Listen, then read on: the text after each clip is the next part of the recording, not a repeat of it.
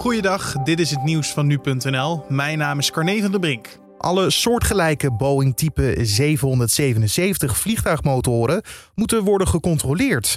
De Amerikaanse luchtvaartautoriteit wil een onmiddellijke inspectie van de motoren van het merk Pratt Whitney. Deze maatregel volgt na een incident van zaterdag, waarbij delen van een vliegtuig zijn neergestort in verschillende woonwijken nabij de Amerikaanse stad Denver. 28 aircraft uh, just experienced a engine failure, needed to turn immediately. Niemand in het vliegtuig of op de grond is gewond geraakt. Wat echt wel een wonder is, want het regende vliegtuigonderdelen. Holy shit. I know, grab the dog. I don't know what it is. And the fact that we are still not getting reports of any injuries is absolutely shocking at this point. I, I'm, it's amazing. In een container aan de Meernhoef in Amsterdam Zuidoost is zondagavond een baby gevonden, zo meldt de politie.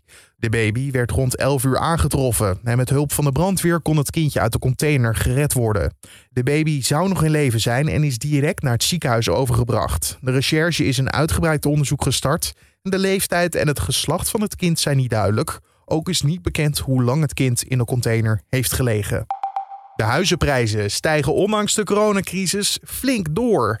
De prijs voor een bestaande koopwoning was in januari 9,3% hoger dan een jaar eerder. Dat blijkt uit cijfers van het CBS en het kadaster. Daarmee kostte de gemiddelde koopwoning in januari meer dan 360.000 euro, de hoogste prijs ooit gemeten. De cijfers laten zien dat de economische gevolgen van de coronacrisis nog niet zijn doorgecijpeld naar de woningmarkt. Niet alleen de huizenprijzen stegen, maar ook het aantal transacties. Vorige maand waren er 40% meer aankopen dan vorig jaar. En de dochters van activist Malcolm X hebben gevraagd om het onderzoek naar de moord op hun vader te heropenen. Ze doen het verzoek omdat er nieuw bewijs is ontdekt over mogelijke betrokkenheid van de New Yorkse politie en de FBI.